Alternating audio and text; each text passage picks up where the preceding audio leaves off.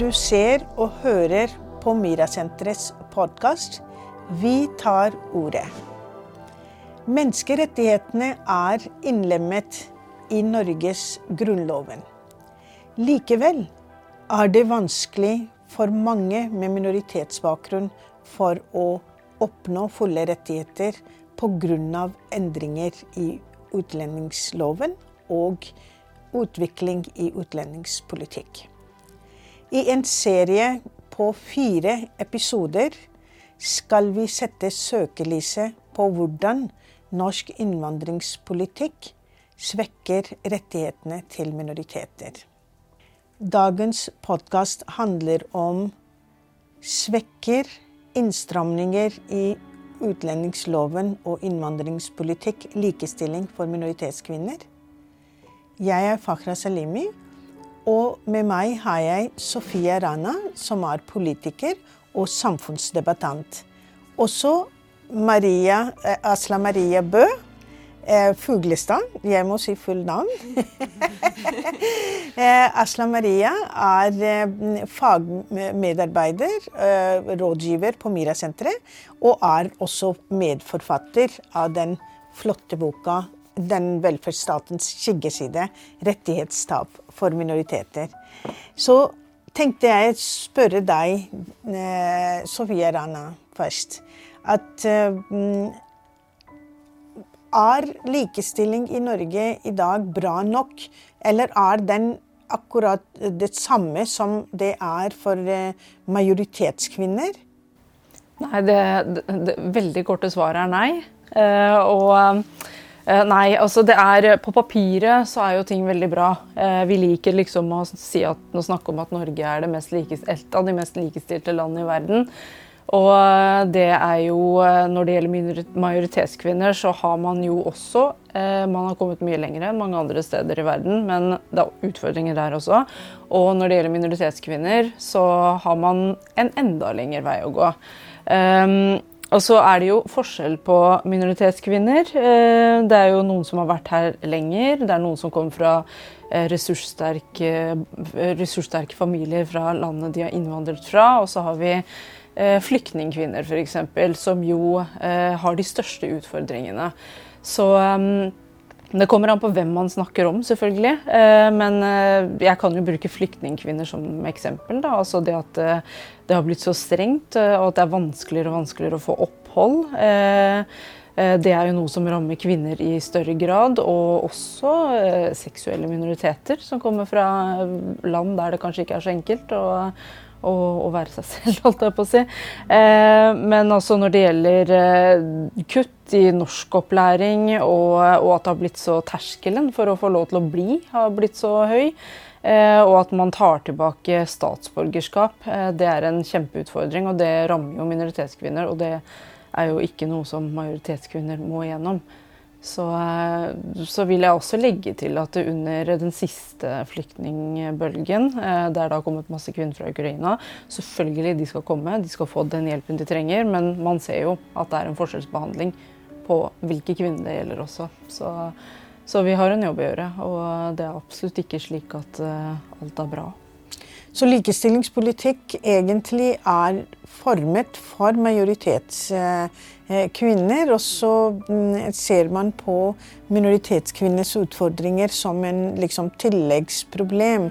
Men at mm, eh, det setter det utvider ikke selve likestillingsbegrepet eller likestillingspolitikken, slik at minoriteter som har annerledes hudfarge eller nasjonalitet, religion og mange andre faktorer, at de da blir inkludert. Er det det Inkluderingen er rett og slett ikke god nok. Også når man først får opphold, da, f.eks., eller skal ut i arbeidslivet, så blir man plassert i ulike tiltak via Nav f.eks., og så blir man plassert i praksis da man ikke får eh, fast arbeid og blir sendt fra den ene praksisplassen til den andre, eller er i midlertidige stillinger. og det er jo absolutt ikke det gir jo ikke trygghet. Det gir jo ikke trygghet for, majoritetsbefolkningen, eh, for kvinner i majoritetsbefolkningen heller. Og det gjør det i aller høyeste grad ikke det, når man i tillegg skal manøvrere ulike kulturer og lære seg et språk. Og så du får jo ikke økonomisk uavhengighet heller, så man blir jo på en måte plassert i en spiral da, av, av uavhengighet, om man vil. Ja. Dette med økonomi er jo helt avgjørende for likestilling. Eh, og, og, som du påpeker, så er det jo viktig å eh, ha i bakhodet at det er veldig forskjell mellom altså Mange minoritetskvinner og unge jenter gjør det jo kjempebra på jeg er i flertall på jusstudiet og på legemedisin legemedisin. men så er det noen som uh, En gruppe som har mange sårbarhetsfaktorer ved å kanskje både være uh, flyktninger eller innvandrere og ikke kommer seg i jobb. Og når de faktorene virker sammen, så blir det noen barrierer der for likestilling som mange er helt blinde for og ikke vet noe om. Eh, og hvor da, særlig for innvandrerkvinner, som da også har denne utlendingsloven å forholde seg til, eh, blir så høye da, at f.eks. det å kunne skille seg blir ikke noe man kan ta for gitt. Mens man i eh, likestillingsdebatter for majoriteten ofte snakker sant, om hvor mange kvinner er det i ledelsen i en bedrift, eller likelønn og mange viktige ting. Men blir, man blir liksom blind for at de helt grunnleggende tingene, som dette med å kunne få skilsmisse, ikke er noe selvsagt ting for en betydelig gruppe i samfunnet. Eh, når du sier det, eh, Asna Marie, så kanskje mange ikke eh, vet, men allmenn mennesker tror at alle kan få skilsmisse i Norge. Det er jo, Loven er helt klar for det. Så hvorfor kan ikke minoritetskvinner få skilsmisse? Nei, Det er flere faktorer. For det er jo sant på papiret så kan man jo selvfølgelig det. Men hvis man har kommet til Norge gjennom familiegjenforening, det er én gruppe eh, kvinner som er veldig sårbare. Fordi eh, da er oppholdsgrunnlaget ditt at du er, lever i et samliv med den personen du har fått familiegjenforening med. Og det gjelder helt til man har fått innvilget permanent oppholdstillatelse. Og nå de siste årene, etter den forrige flyktningkrisa spesielt, i 2015, så har det kommet mange innstramninger i regelverket som gjør at det å få permanent oppholdstillatelse har blitt så vanskelig. Og hvis man da ikke har fått denne permanente oppholdstillatelsen, så vil man ikke kunne skille seg uten å kunne da risikere å bli hjemsendt eh, til det landet du har innvandret fra. Det, nå snakker vi om den uh, treårsregelen uh, som har blitt uh, verre. Det er flere endringer. Ja, bare mm. fortell oss. Nei, det er noe jeg tenker er noe av det mest problematiske.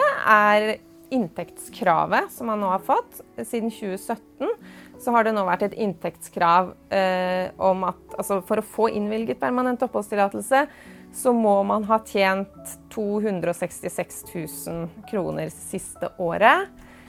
Og man eh, skal ikke ha mottatt sosialhjelp det siste året. Eh, og det er også veldig strenge unntakskriterier. Eh, selv om det er noen unntakskriterier, men de har også blitt strammet inn. Så eh, eh, hvis man går på eh, høy, Man har et Unngå på voksenopplæring f.eks., og man har fått innvilget det som et tiltak gjennom Nav, da kan det være unntak. Men det er mange som ikke får det. Og det å få seg jobb er jo kjempevanskelig. Eh, og et sånn type krav det er jo ikke tidsbegrenset, sånn som man treårsregelen. Da er det i hvert fall et, eh, et, visst antall år. Men dette er jo noe man må på en måte prestere og få til, å få denne inntekten. Og har man ikke gode kvalifikasjoner til å få seg jobb, i dette arbeidsmarkedet i Norge er jo kjempehardt, så kan man gå på veldig lang tid, da. Uten å så, få bare for å, Unnskyld, øh, bare for å forstå det. Så er det sånn at uh, før var det den treårsregelen at hvis du har bodd i Norge i et ekteskap tre år, så får du da mm, kan søke om permanent oppholdstillatelse. Og da får du um, i løpet av et år eller sånn. ikke sant? Men uh, Så nå er ikke det nok. Nå må du i tillegg til det ha en inntekt, selvstendig inntekt, ikke familiens inntekt. Nei. Det stemmer. Og da, det betyr at du kan fortsatt bli i Norge, men du, ah, din opphold er da avhengig av din ektefelle. Riktig. Akkurat. Mhm. Og når du ikke har ektefellen, så, må, så er du avhengig av å kunne vise til at du har 200 og Hvor mye var det? 266 000. Ja, man må da søke om permanent oppholdstillatelse, og så kommer den behandlingstida. Eh, og ja, hvis man da lever i et veldig vanskelig samliv, så blir man jo en veldig sånn fastlåst situasjon, da. Det er jo også et språkkrav der, som også var tidligere var det jo sånn at man eh, måtte delta på en viss mengde timer med norskopplæring og samfunnsfagsopplæring. Eh, mens nå er det erstattet, eh, eller er i ferd med å bli erstattet eh, med at man skal bestå Nå må man både delta og bestå en test. Eh, etter hvert så vil det bare bli denne testen, da. Men eh, det er jo også det med at de mest sårbare, minst ressurssterke, som har lite skolegang fra før, så vil jo det å bestå en sånn norsk eh, språktest også være uvisst. Det er ikke alle som har forutsetninger for å, å klare det. Og da eh, Hvis man kan dokumentere at man er ufør og mer enn 55 eh, syk, da, så kan man få unntak. Men det er veldig strengt. Jeg har sett på mange av disse søknadene som får avslag, selv om de har veldig gode grunner. Det betyr at eh, selv om man har bodd i Norge mange, mange år, eh, så lever man i en utrygg og usikker situasjon. Og eh, mm, det er faktisk eh, eh, Det er en trussel mot kvinners sikkerhet hvis eh, de er utsatt eh, særlig for vold i nære relasjoner. Og samtidig så er jo det veldig mye fokus på forebygging av vold i nære relasjoner, og at man ønsker integrering av minoritetskvinner og fremme likestilling. Så uh, Sofia, som politiker, uh, uh, hvordan føler du når disse typer lovendringer skjer i Stortinget, eller eh, disse forslagene til høringer kommer? Hva er tankene bak slike endringer, egentlig? Altså, Nå tilhører jeg på ytre venstre fløy i politikken, så jeg blir jo sint. Det er enkelt og greit. Altså, de sier jo at de ønsker at kvinner skal integrere seg, de vil ha kvinner ut i arbeidslivet. Og så er terskelen så høy for å få lov til å kunne delta i samfunnet. Altså, man snakker jo med, man snakker med en tunge, og så gjør man noe helt annet i praksis. Altså, det er jo bare den her såkalte strenge og rettferdige opplegget de holder på med. Så det er jo ikke eh, Altså for å få reversert dette her, det kommer, jo til, det kommer jo til å ta en stund, og så må man drive med politisk påvirkning. Og for å få et flertall på dette på Stortinget, det kommer til å, kjempe, det kommer til å ta en del tid. Eh, så det man trenger, er rett og slett eh, sosialt press nedenfra. Eh, man trenger grasrotorganisasjoner og folk som jobber med dette her, og legger press oppover. Fordi det er jo det på en måte Rødt som tar jo på en måte Vi bruker Mirasenteret f.eks. og andre organisasjoner som jobber med dette her, og tar deres innspill til hva vi skal gjøre i lovgivende organer. Men så er det det der med å få, å få andre med på det. Eh, den er seig. Det er vanskelig, fordi det er et offentlig ordskifte som eh, bare er Sånn sosialdemokratiske partier skal konkurrere med eh, med ytre høyrepartier i hvem som er strengest, for å liksom konkurrere om velgere. Da får man et offentlig ordskifte som det er veldig vanskelig å navigere i. Og det ender med umenneskelig politikk, rett og slett. Og det er derfor man trenger, trenger rett og slett flere som, som ser dette her. For argument, argumentene som brukes, er jo dette med at det skal virke integreringsfremmende og presse folk til å komme seg ut i arbeidslivet eh, og ta norskkurs, istedenfor å bli passifisert. Eh, men jeg tenker at den eh, eh Det presset eh, kan ha motsatt hensikt, funksjon også. I hvert fall for de som er sårbare. Eh, fordi eh, man blir i en sånn veldig stressituasjon. Eh, for det er jo selvfølgelig gunstig å, å lære seg norsk. Og de fleste må jo det for å kunne få seg en jobb i det hele tatt. Så det er jo en motivasjon der i utgangspunktet. Og de kvinnene jeg møter på Mira-senteret, de ønsker jo mer enn noe annet å få seg jobb. Det fokus er deres kultur. Så hva syns dere? Er ikke den kamuflerer litt uh, det som skjer i norsk lovgivning? Ja, jeg tror veldig mange ikke kjenner til at norsk lovgivning er en barriere der. Eh, for det er mye mindre kjent. Og, og ja, jeg tror også det fokuset som man har fått de siste årene på eh, negativ sosial kontroll og sånn, eh, kan overskygge det. Eh, hvordan de rammebetingelsene eh, presser eh, folk til å bli i en sånn desperat situasjon at man ser jo i alle befolkningsgrupper at vold i nære relasjoner øker når det er mye stress, dårlig økonomi, mange utfordringer eh, i livet.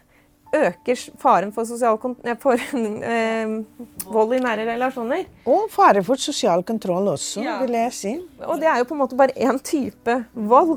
Eh, og at disse rammebetingelsene som det vi ikke har snakket om, eh, er jo trygderettigheter også.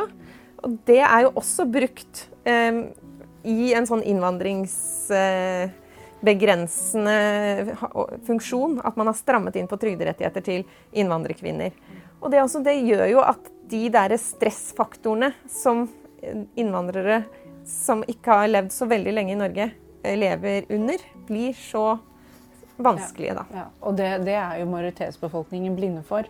For de har jo ikke eh, Men altså, det, jo, det koker jo ned til et spørsmål om klasse. Sant? Altså Er man majoritetsbefolkning og lever i vedvarende fattigdom, så har man også disse stressfaktorene. Men man har ikke de samme barrierene som, eh, som språkkravene og altså, alle disse tingene som skal motivere deg til å delta i samfunnet. Og så er det eh, Du var inne på dette med at man ofte skylder på kulturen eh, kvinner kommer fra, og det er jo en implisitt rasisme i det. At å ja, nei, men hindringen er kulturen du kommer fra. Hindringen er mannen din eller at du kommer fra en kvinneundertrykkende kultur, uten å se at uh, disse barrierene, disse lovene, er jo, uh, det er jo det er jo det som også hindrer deg. Det gjør jo ting mye, mye vanskeligere. Så ja, er, folk er ikke så glad i å bruke det ordet, men det er jo rasisme. Det er jo det. Det er på en måte eh, strukturell rasismen, institusjonell rasisme, på en måte innbygget i systemet. Eh, og det syns jeg er ganske alvorlig. Eh, at man, man, snakker om uh, likestilling, og samtidig så har man diskriminering som er innbygget i systemet. Det, det er ikke det motsetningsfylt. Det, er, det fins et uttrykk for det der som heter femonasjonalisme. Det er ikke så veldig utbredt ennå. Eller ja, femonasjonalisme. Ja, ja. Det er jo når, eh, når, eh, folk som egentlig ikke har integrering og likestilling som motivasjon, eh, men skal gjerne frigjøre minoritetskvinner ved å rakke ned på kulturen de kommer fra, og rakke ned på deres menn, på en måte, og si at ja, men vi kan ikke ta imot folk fra den kulturen, se hvordan de behandler kvinnene sine, og tar på en måte kvinner som gissel da, for å fremme egen agenda.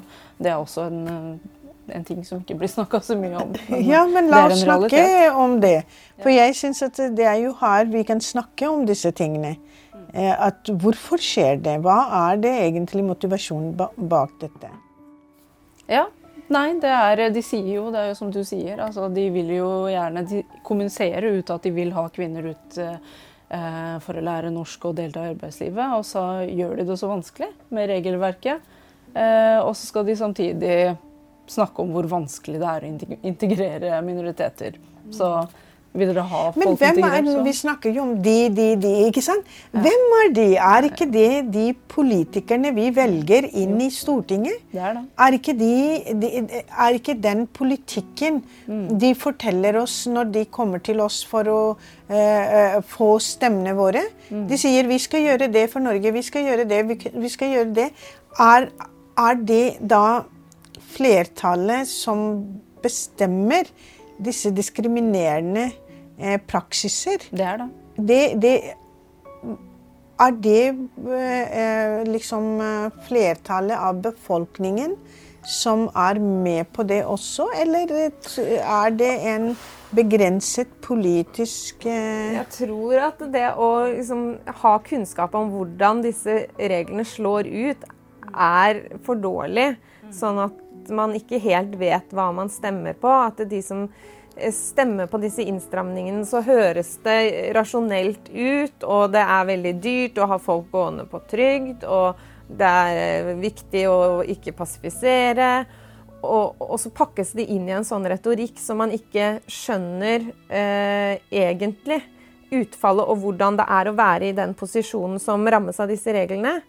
Eh, for jeg tror også at de som selv har opplevd å kanskje gå arbeidsledig en stund, eller trenge å gå på Nav eh, av ulike grunner, eh, tenker at ja, men det eh, Vi har jo et godt velferdssystem i Norge, og det fikset jeg fint.